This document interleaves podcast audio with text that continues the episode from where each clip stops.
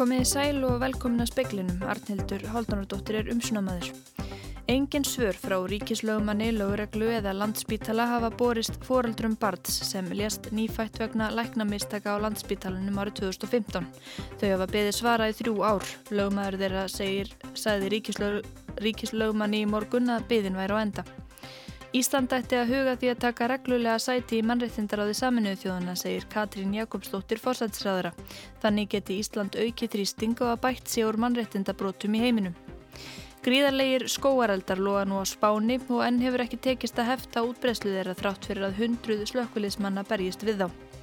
Ísland geti orðið hálgert kúveit norðursins með því að flytja út vettni í stórum stíl. Þetta segir verkfræðingur sem telur að vindorka geti staðið undir, undir vettnisframlýstunni. Síðustu vikur hefur fjöldi fólks mótmælt stjórn fórsættisræðara Tjekklands í stærstu mótmælaðagerðum frá tímum flaujelspiltingarinnar svo verðist þó sem hann ætli að standa af sér storm spiltingarásakana. Og umfangsmikið sælgætis smikl hefur átt sér staðmilli Svíþjóðar og Danmerkur síðustu ár upphæðinar hlaupa á miljörðum. Hjón sem mistu nýfætt barn sitt vegna lækna mistaka á landsbítalunum árið 2015 býða enn bóta og svara frá ríkinu. Ríkislögumæður hafði óskað eftir fresti þar til lögregla líki rannsókn málsins. Nú, þremur árum síðar er málið enn til rannsóknar þar en fimm starfsmenn spítalans eru með stöðu sagbornings í málinu. Lögumæður hjónanna saði ríkislögumanni í morgun að ekki er þið beði lengur en það líka næg gögn fyrir til að ljúka bótakröfunni. Já, við ætlum ríkislögmanni ekkert langan tíma í að svara okkur en ég gerir ráð fyrir því að, að ef að þessu verði sinjað og málið þurfi að fara fyrir dóm sem að ég sko vissulega vona að, þurfi ekki til að koma að þá má gera ráð fyrir því að, að málið verði stemtinn uh, til, til dóms í, í haust, það er að segja eftir réttarlið í september. Saði Lára Vaff Júliusdóttir. Katrín Jakobsdóttir fórsættisráður að segja að Ísland eigi að huga því að taka reglulega sæti í mannréttindaráði saminuðu þjóðana. Vera Íslands skipti máli þrátt fyrir smæði landsins. Forsætisráð þeirra er í þryggjadaga heimsókn í Genf. Í dag ávarpaði hún mannréttindaráði sem Ísland tók óvænt sæti í þegar bandaríkinn söðu sig úr því í fyrra þá laði ég áherslu á þess. Annars vegar jafnrétti kynjana sem hefur verið eitt af flagskipum Íslands uh, og meðan við höfum setið hér. Hins vegar rætti ég um réttin til heilmenns umhverfis sem er vaksandi umræða innan mannréttindarásins. Katrin segist sannferðum að það hafi verið rétt ákvörðun að sækjast eftir sætinu. Við gefum ekki kosta okkur aftur að lokna þessu ári en ég held að til framtíða litið þá eigum við að huga því að taka hér reglulega sæti. Við höfum náð að setja á dagskrá tiltekin mál Uh, ég nefndi hér áðan kynjajafrætsmálun og hins einn réttindin. Uh, við höfum gert loslasbreytingar öndarsefni og svo hefur Íslandu þetta leitt annars er áleiktun um stöðum mannréttindi í Sáti Arabíu sem var sambyggir fyrir árinu og ég heyri það hér að hefur haft hefur ekki mikla aðfylgli og síðan verður til umræði þessari lótu áleiktun frá Íslandi eða sem Ísland leiðir, sömu leiðir sem stöðum mannréttinda og Filipsi. En svo þessar tvær áleiktanir til dæmis, hvaða, hvaða áhrif hefur þetta? Já, þetta getur skipt verulega máli uh, fyrir umræðu annar staðar og þó að við séum fáminn þjóð þá held ég að þetta dæmi sína við getum átt áhrif á umræðuna og auki færni þrýstinga og að bækja úr til að mynda mannreitnda brotum annar staðar í heiminum. Þetta var Katrín Jakobsdóttir og Óluf Ragnarsdóttir talaði við hana. Meira en 350 slökkulismenn og 230 herrmenn njóta aðstóðar 15 flugvila við að reyna að ráða nýðurlögum mikillar skóarelda í norð-vestur hluta Katalóniu, skamt frá kjarnorkuveri. Þeim hefur lítið orðið ágengt og eldurinn eðalagt meira en 5.000 hektar af skólendi. Um 50 hafa verið flutt af heimilum sem eldurinn ógnar. Eldurinn logar í nokkura kílometra fjallað frá kjarnorkuveri í Asko. Ekki er talin hætta á að hann byrjist tanga þar sem vindáttir eru hagstæðar. Yfirvöld telja að eldurinn hafi kviknað frá mikið haugi sem hittnaði svo mikið að hann sprakk með þeim afleðingum að neistar bárust í afar þurran gróðurinn. Frá og með morgundeginum verður veginum að söðleysu vatni í fríðlanda fjallabæki lokað fyrir umferð vegna hættu og verulegum skemdum á gróðuri og jarðvegsrofi. Mikið var um ljót axtursför utan vegar að fjallabæki þegar landverðir hófi störf þar í byrjun sumars. Umhverjastofnun gerði úttekt á veginum að söðleysu vatni sem likur um fríðasvæði eftir ábendingum slemt ástandans. Niðurstaða úttektarinnar var svo að loka þyrti veginum vegna hættu og verulegum skemdum á gróðuri og jarðvegsrofi. Atvinnuleysum á Íslandi heldur áfram að fjölga sangat vinnumarkaðsrannsókn hástofunar. Atvinnuleysi mæltist 6,1% í mæ. Vinnumarkaðsrannsóknin fer þannig fram að ringt er í fólk sem er valið með tilvílunarkendu úrtaki úr þjóðskrá og það spurt um stöðu sína á vinnumarkaði. Þannig næst til dæmis til þeirra sem eru atvinnuleysir en hafa ekki sókt um bætur hjá vinnumálastofnun. Tæplega 13.000 manns voru án vinnu í síðasta mánuði, samkvæmt rannsókninni eða 6,1%. Fyrir ári mæltist atvinnuleysi 3% í mæ og 5,1% í mæ 2017. Atvinnuleysi nú er það mesta sem eru mælst í nokkrum mánuði frá því mæ 2015 þegar það mæltist 6,8%. Atvinnuleysi sveiplast eftir ástíðum og eigst almennt á vorin á sama tíma og margt skólafólk kemur á vinnumarkaðin. Auk þess að byrta hlutfall atvinnulegsra í hverju mánuði reiknar Hagstofan sérstaklega út atvinnuleysis hlutfall þar sem er reynd að leiðrétta árstíðabundnar sveiblur. Árstíða leiðrétt atvinnuleysi í mæ var 4,7%. Skráð atvinnuleysi hjá vinnumálastofnun í síðasta mánuði var 3,6%. Tryggvi Aðalbjörnsson saði frá. Hernaðarbandalag undir stjórn bandaríkjana sem barðist gegn hriðjuverkasamtökunum sem kenna sig við Íslamst ríki draf meirinn 1300 óbreytta borgara í, í loftarásum í Írak og Sýrlandi frá 2014 til mæloka í ár. Bandalagið gerði rúmlega 34.000 loftárásir á þessu tímabili sangant yfirlýsingu frá bandaríkja hér. Þetta eru mun færri en mannréttindarsamtök sem fylst hafa með baróttunni gegn hriðverkasamtökunum og loftárásum gegn þeim segja að það hafi verið drepin. Þau telja að yfir 8.000 manns hafi látist vegna hernaðar aðgerða bandalagsins. BSRB samtök ofinbæra starfsmanna vilja alls ekki enga væða Íslandspost eins og fjármálar á þeirra vil gera. Rekstur Íslandspost hefur verið erfiður undanfarið og ríki þurft að leggja postunum til mikið fjö. Megin þorri starfsmanna Íslandspost er í postmannafélagi Íslands sem er eitt af aðeldarfélagum BSRB. Í brefi sem Magnús Már Guðmundsson, framkvæmdastjóri BSRB, sendi fjármálar á þeirra í dag er hugmyndum um enga væðingu postins mótmælt harlega og þar segir að bandalagi telji engin rauk fyrir enga posttjónustu sem eigi að vera órjúvanlegur hluti af almanna þjónustu. Í fyrsta sinn frá því að domstóli í Þýskalandi feldi í fyrir úr gildi bann við nazistatáknum í tölvuleikum kemur tölvuleikur út í landinu þar sem nazistar eru í stóru hlutverki og tákn þeirra fyrirferðamikil. We were born to kill Nazis. It's so much worse than I thought. We'll drive the Nazis out of Paris. Þarna herðist brot úr umrættum tölvuleik Wolfenstein Youngblood sem kemur út 27. júli. Í fyrri Wolfenstein leikum hafa hakakrossar og önnur einkennismerki nazista verið fjarlægð, Hitler kallaður nazisti en ekki fjúrer eða leiðtói og yfir var að skekk hans þurkað út. Leikurinn gerist árið 1980 í heimi þar sem nazistar sigruðu í síðari heimstyrjöldinni. Hann fjallar um tvíbura sem leita föður síns. Þrátt fyrir að banninu hafi verið aflétt stendur þýskum neytendum til bóða að kaupa hann óriðskoðan eða í útgafu þar sem engin nazista tákn eru sjáanleg. Framleiðandin Bethesda gerði riðskoðu útgafu þar sem óvist var að banninu eruði aflétt áður en að leikurinn kom út. Þýsk lög banna ofinbæra byrtingu hakakrossins og nazista kveður nema um fræðsluefni eða listaverk sé að ræða. Þýska tölvuleikja eftirlitið mun hérðan af meta hvern og eitt tölvuleik og hvort hann uppfyllir skilirið þessum nótkun nazista tákna í listrannum tilgangi. Sama fyrirkomulegar og eftirliti með kvikmyndum. Þetta þýr því ekki að aðrir tölvuleikir í Wolfenstein-seríunni verði gefnir út óriðskoðir ef þeir uppfylla ekki skilirið eftirlitsins. Þorvarður Pálsson saði frá. Nefnendur í vinnuskóla fljótstalshýraðs hafa undanfarnar daga fengið að sækja eins konar loftslagsskóla. Námskeiðið er styrt af uppbyggingarsjóði Östurlands en þar fá nefnendur meðal annars að kynast hugtækjunu loftslagsréttlæti og áhrifum hamfaralínunar á ungmenni í öðrum heimslutum. Guðrún Smitt, náttúrufræðingur, ákvaða að halda námskeiðin því henni fannst vanta fræðslu um þessi mál fyrir ungmenni. Og líka ekki bara í vonleysi, heldur bara að vera virkur og svo bara líka því ég var í mastersnámi í mentun til sjálfbærtni og þar hef ég lært um alla þessa skemmtilegu kennsla-aðferðir og aðferðið emmi til þess að miðla umhverfismálinn til fólks og erum við að skoða svolítið okkar neyslu minnstur og, og náttúrulega hakkerfið og, og þetta línulega hakkerfi í okkar endalegu jörð, takmörgum auðlindum Og þetta er meir en bara þessi fróðleikur, þetta er líka ákveðin þjálfun í, gaggríðni hugsun í tengslu með þessi mál. Já, það er ekki nóg að bara upplýsa, heldur þurfum við náttúrulega að ebla svona getu til aðgerðar og vilji til aðgerða og líka bara að, að hver og einn er að finna sitt hlutverk í þessum breytingum og hvað hver og einn vil gera. Þið farið í ákveðin hlutverk? Já, það er hlutverkaleikur og það er einmitt svo mikilvægt að setja sig í spór annara og gera sig grein fyrir hvað þetta hefur mikið áhrif á fólki öðrum löndum nú þegar. Segði Guðrún Smitt, Rúnarsnær Reynisson talaði við hana.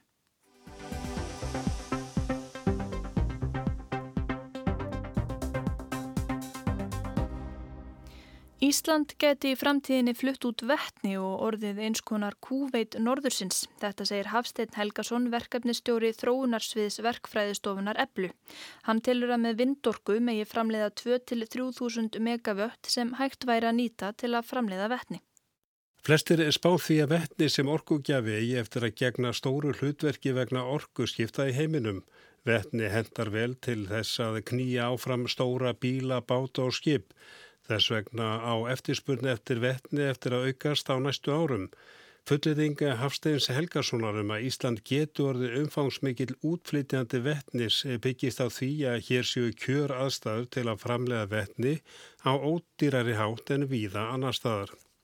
Við eigum hér á Íslandi að geta framleitt raforku með frekar ódýrum hætti með vindorkuverum þar sem að Við erum með að framleiða raforku á 40-50% af árstímanum. Það er svona nýtingastöðul sem er sambarlegur við vindorkuver sem standa út í, fyrir ströndum uh, Þýskalands og Hollands og Danmarkur og ef við framleiðum vettnið með orku frá slíkum orkuverum og höfum þau beintengt við vettninsframleysluna þá hefur við að geta náð mjög hagstaðum orkuverðum og þar alveg til hagstaðum verðum á vettninu. Það hefur ekki verið einfalt mál að flytja vettni millir landa, að fristaða þykir ekki hagkvæmt, hins vegar er mögulegt að nota ammoniak sem vettni spera. Formúlan fyrir ammoniak eru þrjár vettnisamindir og ein köpnunarefnis samind. Þannig að með þessu getum við framleitt ammoniak og sett það í fljótandi form uh, undir tíu bara þrýstingi sem er frekar lár þrýstingur við stofuhytta og þannig getur við flutt uh, ammoniakið með í, í skipsförmum millir landa Mörg skip sigla um heimsöfin með ammoniak sem fyrst og fremst er notað í ábyrðaframleyslum þannig að þekkingin er fyrir hendi. Með þessu móti gæti Ísland orðið útflytjandi á elsneiti og orðið hálgert uh, kúvæt norðusins eins og oft hefur verið talað um. Þetta eru stór orð og því er eðlilegt að spur sér hvort að þetta séu draumkendar hugmyndir eða eitthvað sem er raunsætt. Þetta er uh, raunveruleg hugmynd því að uh, við erum í samstarfi við erlenda aðala og erum, erum bara að reikna þetta allt saman út og, og allar frum niðurstöður benda til þess að þetta sé afar hagstætt og gæti verið mjög hagfælt fyrir, fyrir Íslandinga og sérstaklega líka þá sem að eiga landið sem að þessi vindorku verðmunu standa á. Hann segir að í samningu við landegundur um uppsetningu vindu orkuvera sé verið að bjóða þeim hlut í vantarlegum tekjum af orkusörlunni. En ekki bara eingreislu í eitt skipti uh, í upphafi. Þannig að landegandi, uh, hann verður með þessum móti bara orkubóndi. Hafsteinn er að horfa til þess að vindorka gæti verið nýtt til að standa undir vettnisframleyslunni. Hann nefnir bæði staði sem koma til greina fyrir framleysluna og að vindorkan gæti staði undir 2-3.000 megavatta raforku framleyslu. Sko, við verðum átt okkur á því að við eigum nú að hluta til mjög öflugt og gott flutniskerfi fyrir raforku. Þannig að við getum uh, verið að framleiða vettni e, til dæmis í, í kvalfyrði, við getum e, brálega framleitt vettni við nýja höfni í Disneysi í Eyjafyrði og náttúrulega í, í Finnafyrði þegar að svo höfn kemur upp. Það eru ákjásanlegar aðstæðu til vindorkuframlegslu á, á mörgum stöðum á landinu, norðausturhornið, hluti af, af norðvesturlandi, eins og við höfum heyrt, dalirnir er að hagstaðir við höfum áhugaverð svæði til þess að framleiða vindorku þar sem við getum verið að framleiða uh, í það heila kannski 2-3 þúsund megavött af, af raforku. Þetta er alveg uh, uh, valkostur. Vindorku hefur vaksið fiskur með hrygg í Evrópu og viða hafi verið settur upp vindorku gardar. Það er ekki allir sáttir meðal annars vegna háaða frá milónum, rasks og sjónmengunar. Við verðum að staðsetja uh, vindorkuver á Íslandi í starri skala á afskektum svæðum sem að, uh, sem að trubla ekki hvorki menn nýja dýr og, og þannig ná við góðum árangri í þessu máli. Hafsteinni segir að vettnið sé klárlega framtíðar orkugjafi á næstu árum muni vettninsbílum fjölga ört þegar sé byrja að framlega flutningabíla sem ganga fyrir vettni. Ljós sé að stór skip munu nota vettni með einum eða öðrum hætti í framtíðinni. Niðurstaðan sé að Ísland gæti framleitt vettni sem væri samkeppnishætti við framleiðslu annar staðar. Já, klárlega. Það er, það er, það er tilfellið og, og, uh, og orguverð uh, mun breytast mjög mikið á, á næstu 20 árum í, í heiminum og og vettnið verður þærlendi mjög áhugaverður valkostur og það er ekki ástæðlaus að, að stæstu fyrirtækin í, í, í þessum um, bransa þar að segja bílaframlegendur og, og, og framlegslu aðeinar á skipavélum að þeir eru allir að horfa á vettnið sem, sem elsniti framtíðarinnar og og eru mjög langt komnir. Eh, þetta er allt saman vegna þess að þeir uh, vita hvernig þróunin er að verða. Það er að fjölga vindorkuverum og sólarorkuverum og orkan til lengri tíma litið frá þessum orkuverðum er bara ódýrari þegar upp í staði heldur en orkan frá kóla eða gas orkuverum. Þetta var Hafsteinn Helgason, Arnar Páll Haugsson talaði við hann. Hann er annar ríkasti maður Tjekklands, hefur verið sakaður um að fóðra eigin vasa með styrkjum frá Európusambandinu og bólaburt dómsmálar á þeirra til að koma öðrum sér vinnveittari að. Síðustu vikur hefur fjöldi fólks mótmælt stjórn Andrei Babis, forsættisraður að Tjekklands, í stærstu mótmælaðagerðum frá tímum flaujarspiltingarinnar. Svo virðist þó sem hann ætla að standa af sér storm spiltingarásakana, að minnstakosti í byli.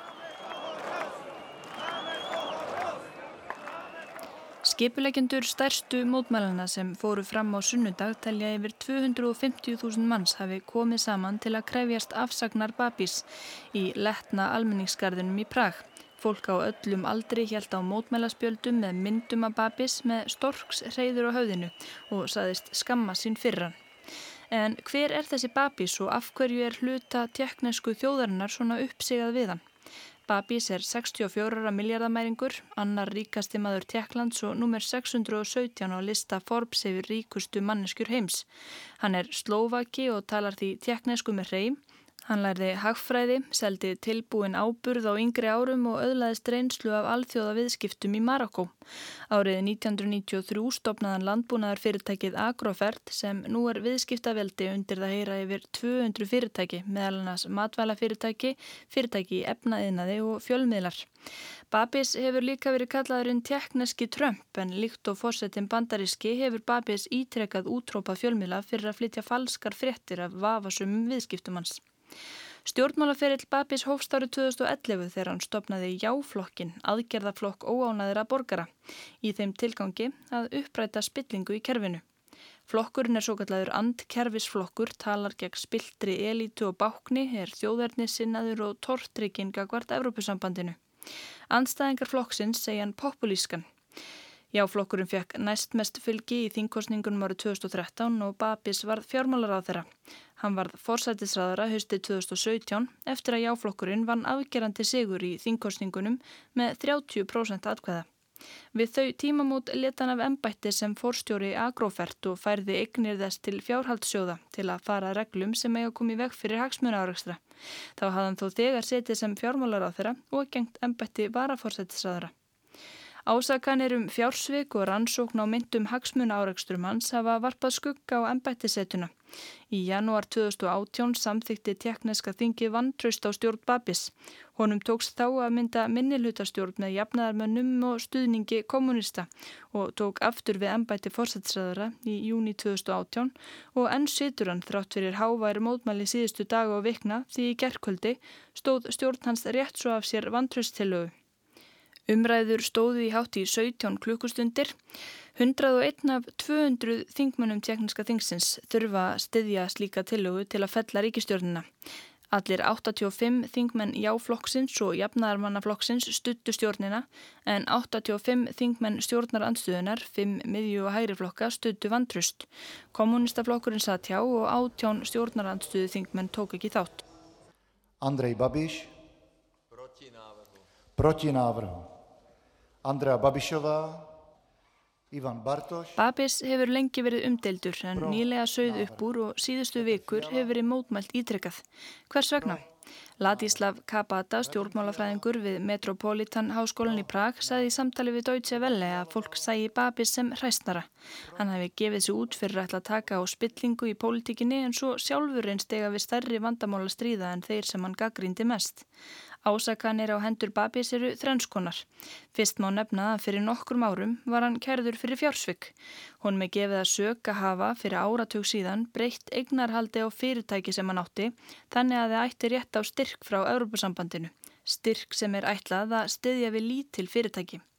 Þetta er Storks reyðursmálið svo kallaða. Árið 2006 kefti dóttur fyrirtækja Agrofert búgarði í niðunýðslu Jútjari Prag með það markmið að reysa það ráðstefnusetur og þetta ráðstefnusetur reys fyrir fíja frá Europasambandinu. Það heitir Storksreyðrið og lítur einmitt út eins og reysastort reyður. Babis er gefið að sög að hafa komið fyrirtækinu sem reysti Storksreyðrið út úr Agrofert samsteipunni og í hendur fullorðina barna sína svo það þið styrkhæft. Babis viðurkendi árið 2016 að fyrirtækið væri í eigu barna hans en neytar því að hafa brotið af sér og telum álið hluta pólitískri ófræðingar herrferð gegn sér. Í april fór lauraglan þess á leit við ríkisaksóknar að Babis er því ákerður í Storksreyðursmálinu. Degi síðar saði þáverandi dómsmálaráður að sig frá embætti og Babis skipaði náinn pólitískan bandamannsinn Marju Benesovu í staðinn. Anstæðingar Babis litur svo á að Benesova væri fengin í embætti til að sópa ásökunum og hendur honum undir teppið. Myndir hagsmuna áreikstrar fórsætisræðarans hafa líka vakið reyði mótmælenda. Í byrjun júni var draugum að endur skoðunar skýslu frá framkvæmdastjórn Evrópasambandsins lekið til tekneskra fjölmiðla. Þar komst framkvæmdastjórnin að þeirri niðurstöðu að Babis hefði enn mikil áhrif innan agrofert veldisins. Á sama tíma hefðan í krafti stöðu sinnar sem fórsætisræðara mikil áhrif á hvernig framleiðslustyrkir Evrópasambandsins dreifðust innan Tjekklands. Reglur sambandsins banna það að slíkir styrkir renni til fyrirtækja í eigu stjórnmálamanna en framkvæmdastjórnin ætlar að háar fjárhæðir, hálfur miljardur tekniskra króna eða tæpir þrýr miljardar íslenskra hafi runnið til fyrirtækja í eigu Babis og í bráðbyrjaskíslunni kemur fram að tekniska ríkið gætiði neðst til að skila þeirri fjárhæði aftur í Evrópusambandskassan. Babis neytar því að fyrirtæki í hans eigu hafi fengið þessa styrki. Skíslan séur en árás á Tjekkland. Jiri Pehe, rektor við New York Háskólan í Prag, nefnir að auk hagsmuna áreistra og ásakanum fjársvik setji mótmælendur sig upp á móti kommunískri fortíð miljardamæringsins. Í samtali við Deutsche Welle segir Pehe að skjöl sem byrt hafa verið bendi til þess að Babis hafi starfað óformlega sem fulltrúi tjekkoslavisku leinilögruglunar á nýjunda áratögnum. En Babis þvertekur fyrir það. Babi sittur áfram og þráttur einn fjölmennustu mótmæli í sögu Tjekklands er flokkur hans enn sá vinsalasti með um 30% fylgi. En sætta mótmælindur sig við þessi málalokk, það er spurning. Svarið fer kannski eftir því hvernig rannsóknum á myndum glæpum Babis vindur fram og hver niðurstaða skýslu framkvæmdastjórnar Európusambandsins um hann verður en hún er vantanleg síðar á árunni. Umfangsmikið sælgætis smikl hefur átt sér staðmilli Svíþjóður og Danmerkur síðustu ár. Upphæðarnar hlaupa á miljörðum og hafa yfirveldlagt halda á næstum 100 tonna nammi sem stundum er komið mánuði eða ár fram yfir síðasta söludag.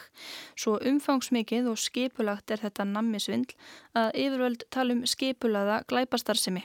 Kári Gilvason í Svíþjóð tekur við. Slat síld stóð á plastkassanum utanum lakrísnami sem er í læginu eins og síld. Sænski eftirlitsmaðurinn hlýtur að það var orðið hissa en það heitir nammið salt síld. Og ekki bara það, á merkimiðanum á nammidollunni var sérstaklega tekið fram að í lakrísnaminu væri ammoniak, efni sem getur verið skadlegt jafnvel bannvænt, en ekki ammonium klórið eða salmiak eins og hefði jú verið eðlilegra. Það voru einfaldar prentvillur eins og þessi sem meðal annars gerðu yfirvöldum hér í Svíþjóð kleift að upplýsa um umfangsmikla nammi fölsun og sælgætis smíkl. Þótt viðfangsefni glæbamannanna kunni að einhverju leiti að virðast léttvægt er litið á brotin sem skipulagða glæbastarfsemi. Enda er magnið gríðarlegt og talið að ágóði glæbamannana nemi jafnverði um 6 miljardar íslenskra króna. Svíjar eru einhverjir mestu nammi grísir Evrópu.